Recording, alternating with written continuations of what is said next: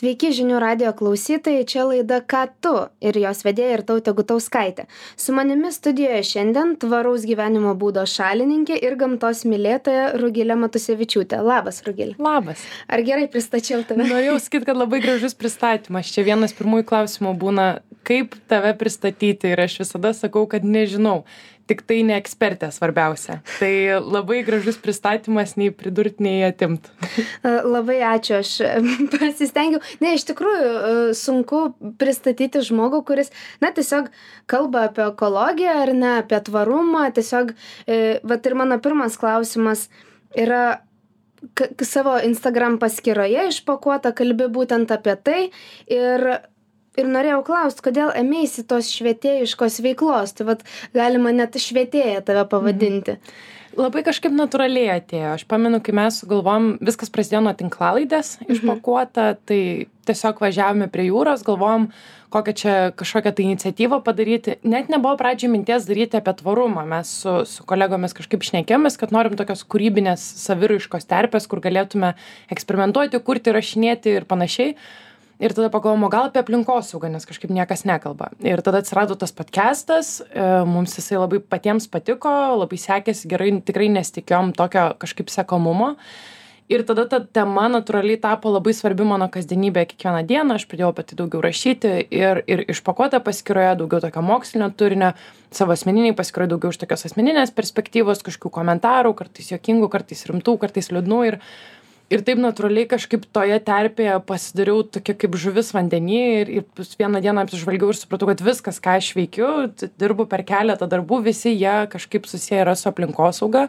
Tai aš visą laiką sakau kad tikri dalykai tikri pašaukimai ir šiaip dalykai kurie mums yra skirti neateina forsuojant tai mhm. yra tokie organiški dalykai turi ateit organiškai tai taip atėjo tas tvarumas į mano gyvenimą aš pati net nesupratau ir dabar jau penkti metai tuo užsiemu ir kažkaip save laikau gal populiarintoja, gal kažkokia speakerė toje temoje. Influencerė, ne? Nu, kiti sako, bet tai kažkoks natūralus atmetimo reakcija visiems, visoms ten influenceriai, gurų, ekspertai ir panašiai, bet tiesiog jo laikau save populiarintoja šitos temos, nes galbūt turiu talentą kalbėti raiškiai, aiškiai, įdomiai, tai tą ir išnaudoju.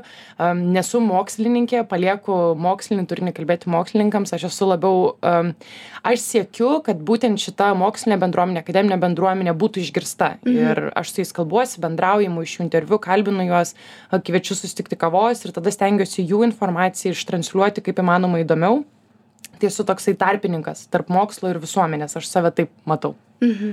Tai žodžiu, prigalvojam mes tau įvairiausių apibūdinimų, tai iš tikrųjų pasirodo netaip ir sunku, bet, bet ką tu sakai, kad esi tarpininkė tarp, tarp tų mokslininkų ir panašiai, nes iš tikrųjų kartais akademinė bendruomenė kalba, kad sunku uh, iš transliuoti jiems savo žinutės ir kažkaip net nėra, ar yra, ar nėra tų platformų. Tai, tai tu toksai vat tiltas, ar ne, ir, ir, ir viską visiems pasakoji ir panašiai. Nu, tokia, tokia yra idėja, nes šiaip e, akademinė bendruomenė arba neranda platformų, neturi tiesiog resursų, gal galų gale kompetencijų socialinėse medijose komunikuoti, arba tiesiog net ir nelabai nori ir nelabai sugeba kažkaip iš viso patraukliai įdomiai išnekėti. Mane kartą yra tekę um, kalbinti mokslininkus, kurie kol mikrofonai yra išjungti, kol kameros nefilmuoja, jie kalba taip įdomiai, taip įtraukiančiai.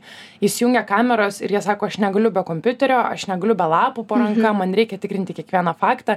Ir, ir kažkaip pat yra pas juos tas toksai, kad dažnai ta informacija dėl to ir lieka uždaryta akademiniai bendruomenė. Aš pati savo magistro darbę tyrinėjau aplinkosaugos žiniasklaidą, mhm. aplinkosaugos komunikaciją Lietuvoje ir, ir, ir tą ir pastebėjau, kad akademinėme rate užrakinta jinai lieka, kartais tie žmonės net ir nenori, galbūt jiems patinka, žinai, savo bendraminčių rate pasikalbėti, pasidalinti tą, tą informaciją, o man atrodo, kad visi turi žinoti, visi turi kalbėti, visi turi girdėti, tai, tai aš tą ir padedu jiems padaryti kaip galbūt komunikacijos toksai žmogus ir specialistas. Bet... Tai žodžiu, dar pierščikės. iš, iš kitos pusės dar ir taip. Man, man pati smagiausia dalis mano darbo yra, kai mokslininkai parašo ir sako, mes atliekam tyrimą, mums reikia, kad kažkas įdomiai apie jį socialinėse medijose mm. pakalbėtų. Mes dabar su jūros tyrimų centru darome apie farmacinės atliekas vandens telkiniuose. Jie tiesiog tyria šiuo metu antibiotikų kontraceptikų antidepresantų nuskausminamųjų kiekius lietuvos upėse ir jūroje. Ir po to tris kaip tai veikia mūsų biologinę įvairovę. Ir mes su išpakuota stengiamės visą tą informaciją įdomiai patraukliai žmonėms pateikti. Tai aš absoliučiai kaifuoju tame ir man atrodo kad čia yra labai reikšmingas ir labai džiugus darbas ir ir džiaugiuosi kad galiu jiems padėti. Mm. džiaugiuosi ir aš. Ir kaip tik apie platformas pradėjom kalbėti ir, ir esu pasirašius irgi klausimą, kad e, ir vedi kartu tinklalaidę, bet kaip pati minėjai, kodėl pasirinkai tokį formatą. Pati sakei, kad mokslininkai bijo mhm. mikrofonų, bijo kamerų, bet kažkaip vis tiek pasirinkai tinklalaidę. Ar dėl to, kad tuo metu buvo populiaru, ar tai buvo dėl to, kad tau patinka kalbėti? Kad man patinka kalbėti, tai turbūt tikrai nuo vaikystės šitą turiu, bet iš tiesų kai mes pradėjom kurtis tai nelabai buvo dar tos tinklalaidės populiarios mhm. mes net nelabai žinom kad tinklalaidė nu podkestas kažkur girdėta užsieny bet toks tas formatas tikrai Lietuvoje dar nebuvo populiarus, tai buvo visiškai praktiniais sumetimais, kad vienas iš mūsų kolegų yra garso režisierius ir sako, aš galiu uždyką padaryti, nes mm. idėja, kad tai taps kažkuo dideliu, kad žmonės klausysis, kad mane kažkur kviesis, kad tai bus kažkoks, kad tai bus mano darbas galų gale, tai aš net negalėjau pagalvoti, aš buvau bakalauro studentė, studijavau prancūzų filologiją ir mes tiesiog norėjom kažkaip kažką įdomaus kurti ir daugiau Lietuvoje apie aplinkosaugą pakalbėti, nes tikrai to įdomus pritraukiančio turinio dar dabar trūksta, o tuo metu iš viso nebuvo. Tai mes mes net negalėjom įsivaizduot kad mus pasikviestų kažkokia radijo stotis ar televizijos kanalas ką vėliau darėm ir darom dabar. Tai tuo metu atrodė kad darysim kažką sau ir prisimenu kai išėjo pirma laida aš gulėjau susiėmus už galvos ir sakiau o kas jeigu žmonės juoksis nu ir mes taip sakom nu juoksis tai juoksis. Ir tada pasirodo visai nesijuoks visai to turinio reikia ir žmonėms patinka. Ir tada natūraliai ir tas ir ta aplinkosaugos tema labai pradėjo populiarėti. Čia buvo apie maždaug du tūkstančiai aštuoniolikti mhm. metai ir podkestų formatas tuo metu labai išaugo. Tai tai taip natūraliai kažkaip ir ir išsivystė. Bet sakau idėjos kad tai bus kažkas kad va mes einam į radijo laidą ir sakom mes turim laidos idėją mes negalėjom pagalvot kad kažkam bus įdomu ką mes turim pasakyt. Ir tai iš viso tema ir ta aplinkosauga dar tikrai neturėjo tokio populiarumo kokį turi dabar Mhm. O grįžtant prie, prie tavo na, veiklos, ar ne, prie, būtent prie tvarumo ir ekologijos, kad tu jau tuo užsiemi ne pirmus metus, ar pastebi tą pokytį? Vat kad e, galbūt aplinkoj žmonės e, na kadangi tavo draugai ar pažįstami tai jau bando tvariau irgi gyventi. Ar nuo vat tos veiklos tavo pradžios ar matai pokytį kokį mhm. nors? Oi šiaip pokytis labai didelis ir labai dvejopas toks aš gal sakyčiau iš vienos pusės kad ta tema tvarumas apskritai aš turbūt manau kad yra žmonių kurie dabar paklausys šitos laidos ir turbūt ten pavartys sakys kad vėl apie tą tvarumą vėl apie tą ekologiją. Nes ir nelabai aišku kas tas tvarumas ir čia visi dabar tą žodį kas tiktai nori tas tiktai sako visi žalius lapukus dedasi. Ir yra ta pusė nuo kurios galbūt šiek tiek ir yra koktu ir yra šiek tiek liūdna kad na tas vadinamasis grinvošingas žaliasis smegenų plovimas kad taip primityviai supaprastintai apie tą apie tą temą visi kalba. Tai yra šita dalis ir jos dabar yra labai daug žmonės naudoja ir pardaviminiais politiniais tikslais na marketinginiais tikslais tą tvarumą visur kiša kur tiktai gali. Bet tada ir kita yra pusė tas vadinamasis aplinkosauginis raštingumas arba ekologinis sąmoningumas visuomenėje kuris jau yra svarbus. Čia yra elementas kur svarbu kad tas populiarumas atsirastų kad žmonės domėtųsi suprastų tą temą suprastų jos kompleksiškumą. Ir čia irgi aš matau labai didelį progresą. Aš e, pastebiu kad tam tikros temos jau žmonėms yra savaime aiškios. Tai tarkime nešiukšlinimas tyrimai rodo kad mhm. apie aštuoniasdešim penki procentai žmonių nešiukšlina šiukšlina nes tiesiog na aišku mes tų šiukšlių randam ir ta problema egzistuoja bet tai jau yra tokia dogma kad šiukšlinti yra blogai šiukšlinti lygu blogai. Tai tas yra jau labai džiugu mes jau galim kalbėti apie sudėtingesnius dalykus kaip rūšiavimas depozito sistemos plėtra mhm. eiti į kažkokias diskusijas apie skirtingas plastiko rūšis ir panašius dalykus tai perteklinės pakuotės. Tai jau yra tas toks na antras žingsnelis mūsų tame raštingume ir ir tas yra labai džiugu. Tai aš tą irgi matau ir savo aplinkoj aišku irgi bet aš kadangi žinau kaip visuomenė žiū žiūri į aplinkosaugos aktyvistus kad mes atrodom radikalūs atrodom įky įkyrūs atrodom kažkokie tai ten išprotėję. Tai aš visą laiką labai atsargiai savo tarpe tarp draugų ir artimųjų kalbėdavau šitom temom. Aš tiesiog bandžiau rodyt savo pavyzdį. Na ten atsisakyti mėsos atsisakyti plastiko atsisakyt automobilio ar ten nepirkt greitos mados drabužių parduotuvėse. Ir ir tada kažkaip po kelių metų apsižvalgai ir matai kad tavo draugų rate tai irgi yra jau priimtina ir ten na jeigu mes išvažiuojam į gamtą esam net juokęsi kad kas nors atvažiuotų su vienkartiniais indais tai mes turbūt nesuprastume mums atrodytų nesuvokiama kad žmogus dar gali pirkti kažkokias tokias nereikalingas šiukšles tai tai man tas yra labai džiugu matyti šitą visuomenėje tokį lengvą po truputį atsiranda atsirandantį pokytį bet kad yra daug lozungų kad yra daug tuščiažodžiavimo kad yra daug tuščių pažadų kažkokių tai ypatingai politiniame lygmenyje ir Mhm. marketinginiame lygmenyje tai tikrai šimtu procentų ir tai yra na bėda kur jau reikia tokių griežtesnių gal aš sakyčiau aktyvistų kurie nebijo sukritikuoti nebijo na kažkaip drąsiai pasisakyti prigauti meluojančius ir to tikrai reikia nes jeigu mes šito dalyko nedarysim tai jau dabar matom kad daug įmonių labai naudojasi tuo žalumu visai ne tais tikslais kaip reikėtų Nu, tai tiesiog tapo į, į dar vienu įrankiu pasireklamuoti, kaip Oi. sakai. šimtu procentų Kokią dabar didžiausią klaidą daro lietuviai, na, vad kalbant apie, apie netausojimą žemės, e, kokia, tai didžiausia klaida, kai va šiukšlinti, ne, išmokom nebešiukšlinti, išmokom rušiuoti, na, nes taromatė gauni gražą už tai, piniginę, tai, bet dar vis tiek tikriausiai darome klaidų, kokia. darom bet e, pirmas turbūt gal svarbu yra pasakyt kad e, manęs visada klausia šito klausimo ką mes darom blogiausiai. Ir aš tada labai prastai jaučiuosi nes nu, turbūt ne ne mano niekieno rolė yra visų pirma nesakyti ir kritikuoti ir aš čia visos tiesos neatsinešu kažkur pas skvernų ir nesakau žinokit reik daryt taip ir ne kitaip. Tai tai nėra mano rolė ir būtų labai naivu galvoti kad aš turiu tuos atsakymus. Pati prieš save nenorėčiau taip taip teigti bet aišku matau stebiu ir tą visuomenę ir kažkokias tai tendencijas aš visada sakau kad esmių esmė yra kad e, visuomenė nekelia klausimų. Čia yra mano atsakymas į šitą klausimą visą laiką yra toks pats. Mes nekvestionuojame savo aplinkos savo rūbų savo maisto savo transporto. A, mes nekeliam klausimų iš kur atkeliavo mūsų kava iš kur atkeliavo mūsų drabužiai kas nutiks su šiukšle kai aš ją įmesiu į konteinerį. Ir man tai parodo kad mes gyvename tokį na mindless tokį ne nesąmoningą gyvenimą. Mes ateinam į parduotuvę ten jau yra padėta mėsa. Iš kur jinai atkeliavo? Kiek emisijų tai sukėlė? Kokią tai kokį tai turi pėdsaką? Kokią tai įtaką turi mano sveikatai? Mes nebekeliam šitų klausimų. Ir čia yra man atrodo didžiausia bėda nes tai yra tos vartojimo kultūros perteklinio vartojimo kultūros vienas pagrindinių man atrodo tokių ir simbolių. Mes ateinam sumokam pinigus gaunam išmetam ir atrodo kad visa visas pėdsakas kurį mes paliekam kaip ir išnyksta. Ypatingai kai nu geriausias pavyzdys yra išmetame šiukšlę į konteinerį bet kiek iš mūsų buvo sąvartyne arba kiek iš mūsų buvo kogeneracinėj jėgainėj kur sudegina tas šiukšles ar mechaninio biologinio apdorojimo atliekų apdorojimo centruose kur na realybė yra labai Mažai. tikrai mažai tikrai mažai nors tai yra mūsų visų kažkokia na gyvenimo dalis.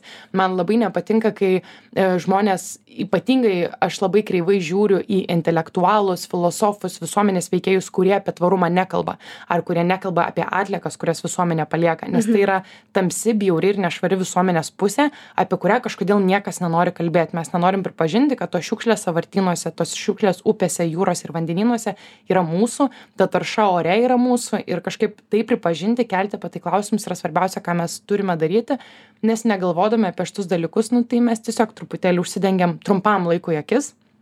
O po kelių metų net ne po kelių metų dabar mes jau matome to padarinius kas vyksta šiuo metu londone. Tai yra baisūs dalykai. Tokie karščiai londone a, tie keturiasdešimt laipsnių buvo prognozuojama kad įvyks po dvidešimties metų. Mes turim dabar.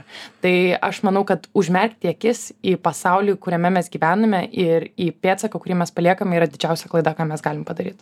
Tikriausiai yra lengviau neišgirsti tiesos, nes tiesa bjauri. Tai Taip. tiesiog lengviau užsisklęsti. O ką sakai, tai man atrodo, kad mums reikia grįžti į vaikystę, kad kai buvo tas amžius, tai 3-2 metukai, kai visada klausai, kodėl tėvų. O Taip. kodėl? O kodėl? Tai va, ir tada. absoliučiai man atrodo klausti kodėl iš viso yra čia yra vienas svarbiausių dalykų tas klausimo kėlimas ne tik tvarume bet bet kame kitame. Atsisėskit prie jūros kai leidžiasi saulė ir paklauskit kodėl yra tokie debesys kokie jie yra arba ką reiškia šitie debesys. Ką reiškia tokia jūra toks vėjas. Ir mes pradėsim suprast kad mes savo supančios aplinkos absoliučiai nepažįstam. Ją pažinodami mes galim labai daug procesų skaityti labai daug suprasti. Mums nereikės nei orų programėlę žiūrėt mes pažiūrėsim į dangų ir suprasim koks oras bus rytoj. Tai tas klausimo kėlimas ir nuolatinis ieškojimas ir nepriėmimas mus supančių dalykų kaip savaime duotybės. Kad gamta kurią mes turim oras kurį mes turim maistas kurį mes turim rūbai kurių mes turim yra duotybė iš kažkur atėję ir mes tiesiog gyvename. Tai tas klausimo kėlimas yra žaviausia ką žmogus gali daryti ir svarbiausia ką žmogus gali daryt mano nuomone Mhm. Galbūt mūsų klauso koks nors žmogus, na, kuris e, dabar va jau po mūsų šiek, šiokio tokio pokalbio e, nusprendė, kad būsiu tvaresnis ir ekologiškesnis, e, bet na turiu mažai tam laiko tiesiog dirbu ilgai ir panašiai ir nežinau net nuo ko gal pradėti. Koks mažas ir paprastas žingsnis būtų e, tam tam žmogui e, kad jisai na prisidėtų prie geresnio rytojaus ir ir ir tas poveikis na pasijaustų. Gal na jam gal nelabai bet gal kitiems ir mūsų aplinkai. Nežinau gal mm, puodelio visą laiką su savim nešiojamas savo. Kažkoks aš manau kad e, nėra vieno atsakymo nes mūsų vat kaip ir tu sakai vieni žmonės neturi laiko kiti žmonės neturi pinigų kiti žmonės gyvena kažkur mažame miestelyje kur nėra resursų kažkokių. Mhm. tai tai natūraliai kiekvieno mūsų pasirinkimai yra skirtingi. Aš pati sau taikau taisyklę kad aš bent vieną valandą per dieną arba pusvalandžį pusvalandį per dieną darau kažką gero. E, na mano pasirinkimas yra kažką gero mano aplinkai. Tai gali būti galbūt aš per tą pusvalandį pasigaminsiu tvaresnę tvaresnius pietus vietoj ten mėsos aš suvalgysiu kruopų su daržovėmis. Galbūt aš tą pusvalandį na ten tarkime dešimt minučių automobilyje iškeisiu į dvidešimt minučių autobusu. Tai kažkokį tai laiko tarpą aš galiu paaukoti tai čia yra vienas iš būdų. Kitas yra na aišku tie tokie paprastesni praktiški patarimai tai tiesiog na nepirkti greitos mados drabužių parduotuvėse atsisakyti kiek įmanoma vienkartinio plastiko sumažinti mėsos kiek įmanoma nes tai vis dėlto yra taršiausias daugiausiai co du išmetantis produktas tai yra tokie maži dalykai kurie e, pradžioj atrodys kad kaip ir nelabai reikšmingi bet jeigu juos darai metus ar du tu pradedi galvot o vau aš čia tarkime ten ne nepirkau niekada kavos į vienkartinį puodelį jau kokius penkis metus. Ir tada supranti koks didelis skaičius šiukšlių neatsidūrė dėka tavęs sąvartynuose. Tai yra tokie maži dalykai bet jeigu žmogus tikrai neturi laiko tai vis dėlto tas ten plastikinis šiaudelis yra lašas jūroje ne tame yra esmė. Manau domėtis skaityti pasiklausyti kartais kažkokios laidos išeiti pasivaikščioti tai yra na klausant kažkokio tai podkesto ir šviesti save yra labai efektyvu nes laikui bėgant vystosi toks platesnis aplinkosauginis suvokimas pas žmogų ir natūraliai tie tvarūs dalykai į mūsų gyvenimą ateis. Kažkokie tai mitybos pasirinkimai kažkokie tai na gyvenimo pokyčiai. Tai savęs ten forsuoti gal labai nereikėtų bet aišku jeigu pavyksta ten to puodelio ar šiaudelio atsisakyti ar ten į autobusą ir dviratį kartais susėsti tai tikrai aš visada skatinu ir ir ir ir palaikau. Na manau ant dviračio ir ir naudinga sveikatai atsisėsti ne tik visada. Šimtu procentų tvarumas yra šiaip tikras tvarumas yra ir labai sveika ir labai daug pinigų sutaupo. Čia yra mitas kad gyventi tvariai yra brangu dėl to kad tvarumas yra labai arti asketiškumo. Em, na tokio saikingesnio vartojimo atsisakymo dalykų džiaugimosi tuo ką turi.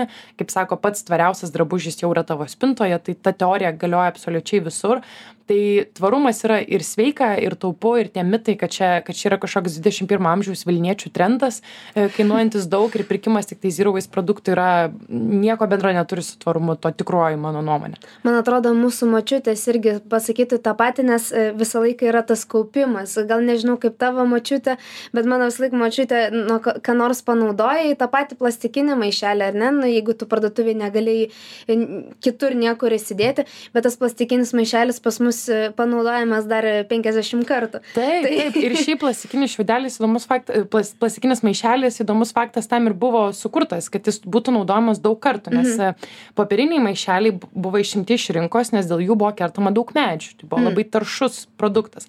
Ir buvo nuspręsta gaminti plastikinius kurie yra daug ilgaamžiškesni kuriuos yra pigiau pagaminti nekertami medžiai tuo metu tos co du emisijos ir panašiai tai tuo tikslas ir buvo kad maišelis plastikinis yra daugkartinis. O dabar mes tokį labai keistą kuriozišką dalyką matom parduotuvėse kad maišeliai plastikiniai dabar yra išmetami kaip blogi ir vietoj jų padedami vienkartiniai popieriniai kurie yra šiaip na daug trumpiau tarnaujantys tai naudoti daiktą kuo ilgiau čia yra auksinė tvarumo taisyklė ir kiek įmanoma tą darykit išskyrus jeigu automobilis labai senas ir taršus čia tada galima kelt klausimą bet bet visa kita tai yra tikrai čia vienareikšmiškai Mhm. O pakalbėjome apie tai, ką vienas žmogus ar ne, kaip savarankiškai gali padaryti. O kam reikia visų susitelkimo, ar ne? Ka- Kaip galime, e, ką ir kaip galėtumėm pakeisti visi kartu, na, susibūrę ir, ir reikėtų jau daugiau pastangų negu vieno žmogaus. tai aš kai kai klausei ką reikėtų šiaip ir vienam žmogui daryt aš kažkaip mm, galvojau kad vis dėlto teisingas atsakymas yra galvoti apie tą nu didesnį paveikslą. Tai yra ir politikai kuriuos mes renkame kokios yra jų programos galų gale pasiskaityti ką jie žada kokie yra jų tikslai. Aišku visi kažką kalba apie tą klimato kaitą bet e, tik keli iš jų parašo realius veiksmus kokių jie imsis ir gali matyti ir kas tas programas sudarė ir suprasti ar tie žmonės tiktai pasižada ar kažką darys. Tai aišku balsavimas už kažkokius politinius sprendimus kurie yra tvarūs ir draugiški aplinkai tai yra viena bet esminė taisyklė man atrodo visuomenei tai yra būti pasiruošus pokyčiams. Mm. e, jau visiems atsibodusi vilniaus laukinių pievų tema yra puikus pavyzdys. Tikrai aš žinau kad jinai jau yra kalbėta iškalbėta kur tik įmanoma bet tai buvo toks gražus pavyzdys aš su tokiu susidomėjimu stebėjau kaip visuomenė susiskaldė dėl to kad tos pievos e, gražios jos ar negražios yra jos erkių ar nėra jos erkių kad ir kokios, kokios jos bebūtų jos yra labai tvarus sprendimas jos na išlaiko drėgmę jos mažina oro taršą jos a, pa, padeda sumažinti potvynius Vilniaus mieste, kurie nuolatos dėl nuotekų netvarkingų sistemų pas mus vyksta ir taip toliau. Tai yra labai daug tvarių sprendimų, kuriuos karščio zonas mažina. Nu, vienu žodžiu, yra ilgas sąrašas ir žmonės, kurie jau supranta truputėlį, kad klimato kaita egzistuoja, kad mes turim keistis, mes turime gražinti gamtą į miestus, mes turime suprasti, kad mes negalim užkariauti gamtos, mes negalim jos panaikinti, jinai turi būti šalia tam, kad mes darniai gyventume savo aplinkoje. Tai tie žmonės, kurie suprato, patinka jiems tos pievos ar nepatinka, gražios ar negražios, sakė, nu ir gerai, vadinasi, reikia. Galbūt buvo klaidų kažkokių padaryta, aš nesikišu ten į detalės, bet jie suprato reikšmę šito dalyko. Na ir buvo žmonių, kurie jokių būdų niekada tų pievų nepriims. Ir man atrodo, kad čia yra baime pokyčiui, baime priimti, kad vis dėlto, norint kovoti su klimato kaita, kuri mes puikiai matom, kad yra realiai ir egzistuoja dabar visame pasaulyje, tokios karščio bangos kad baisu net žiūrėti į žemėlapius tai mes turime suprasti kad turi atsirasti sprendimai kurie ne visada bus patogūs. Nes jeigu mes gyvensime patogiai nu tai gyvensim taip kaip gyvenam dabar. Mes ir dabar gyvenam patogumo malonumo hedonistiniam pasaulyje kuris ir privedė prie to ką turime dabar. Tai man atrodo būti pasiruošus pokyčiams priimti juos atvira širdimi. Ir kai aktyvistas politikas ar mokslininkas ateina ir sako žinokit na siaurinsim gatves darysim platesnius dviračių takus dėl to kad oro tarša vilniečio gyvenimą trumpina pusę metų tai turim suprasti kad tai yra mūsų pačių naudai tai yra Mhm. mūsų ateities kartų naudai ir galbūt pradžioje bus nepatogu galbūt bus padaryta klaidų ir tai irgi yra normalu bet tai yra reikšminga. Ir tų po be pokyčių nieko nebus tai čia man atrodo yra svarbiausia o tada jau tie kažkokie maži vieni ar kitokie sprendimai tai jie ateis savaime tiek iš verslo tiek iš politikų tiek iš aktyvistų tiek iš organizacijų mes turim žmonių kurie nori daryti mes turim per mažai palaikymo jiems aš taip sakyčiau Mhm. Pagalvokime apie pokyčius, e, tol kol e, klausysime žinių ir e, trumpa pertraukėlė dabar.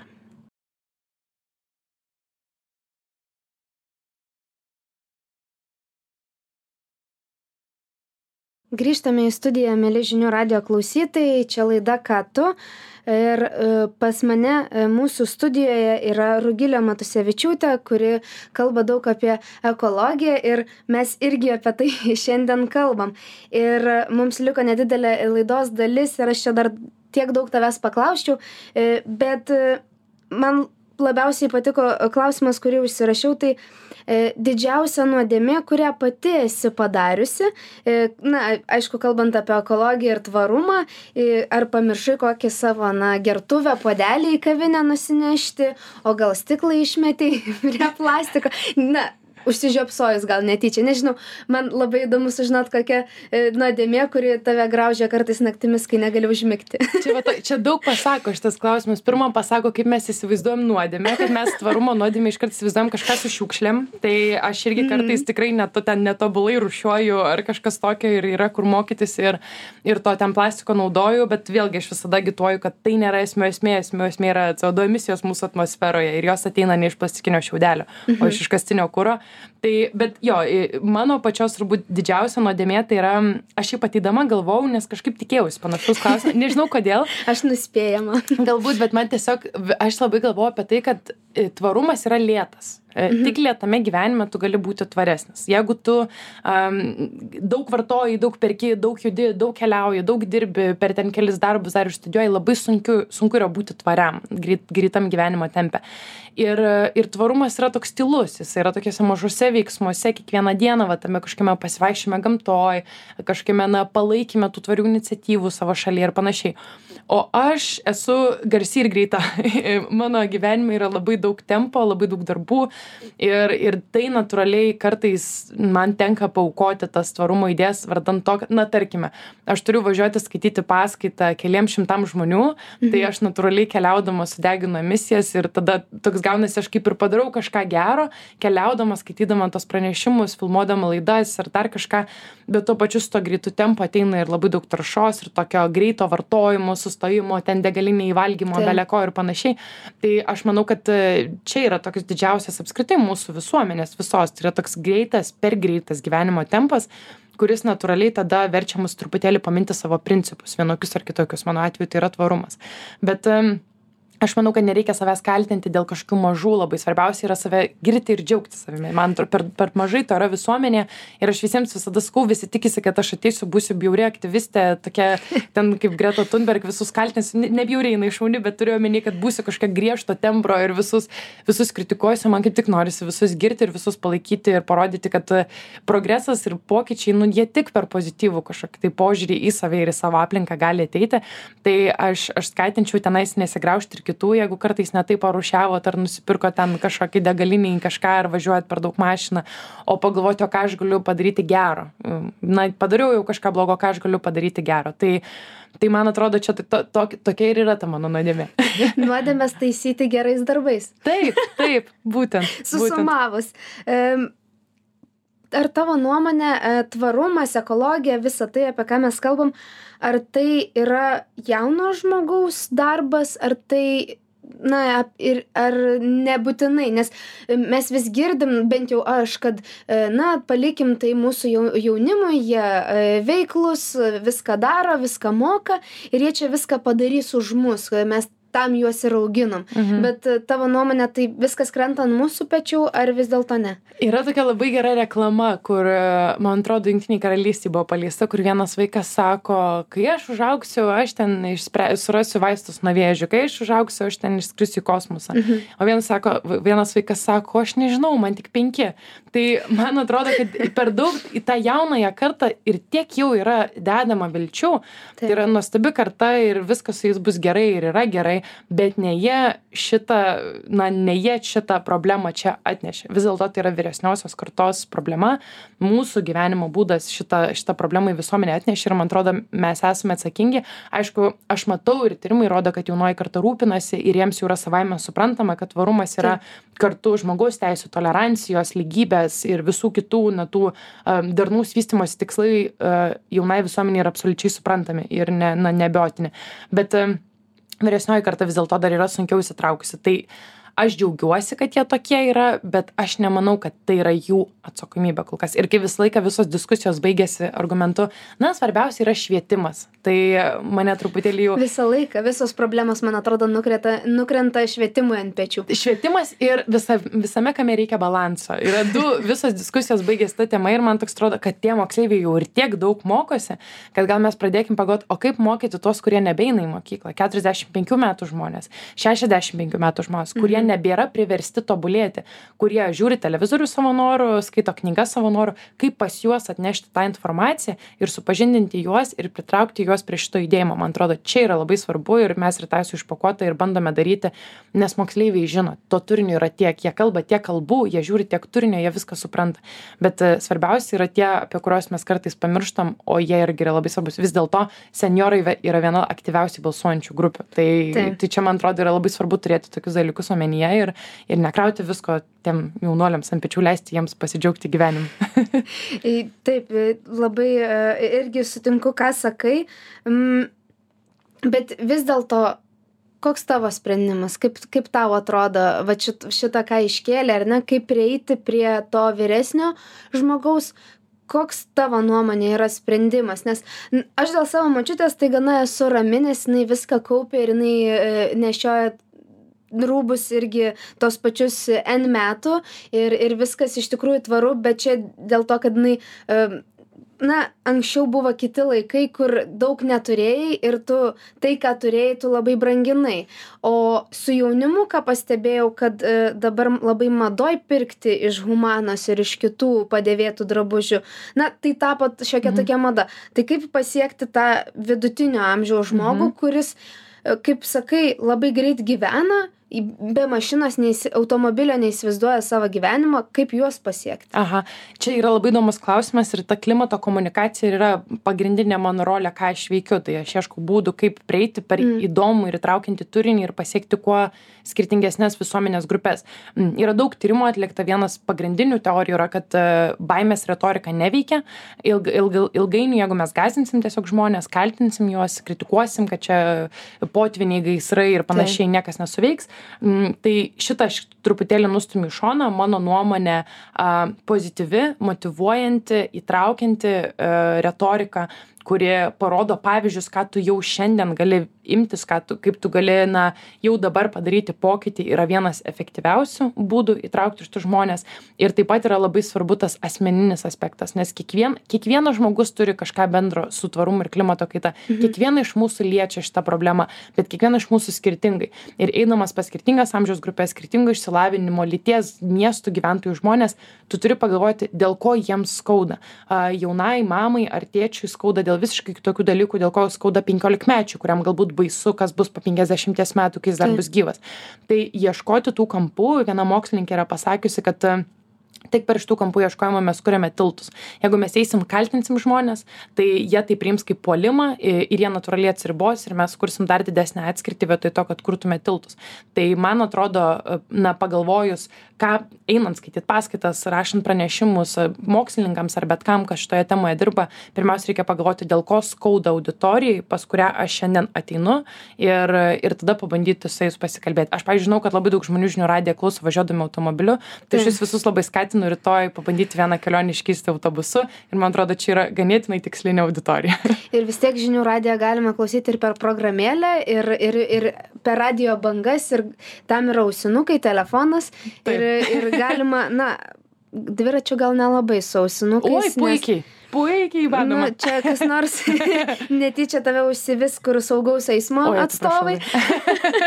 bet, bet taip, e, tai rytoj visi minam su dviračiais į darbus ir aš labai noriu tau, Rugilė, padėkoti, kad atvykai į žinių radiją, tikiu, kad tvariai.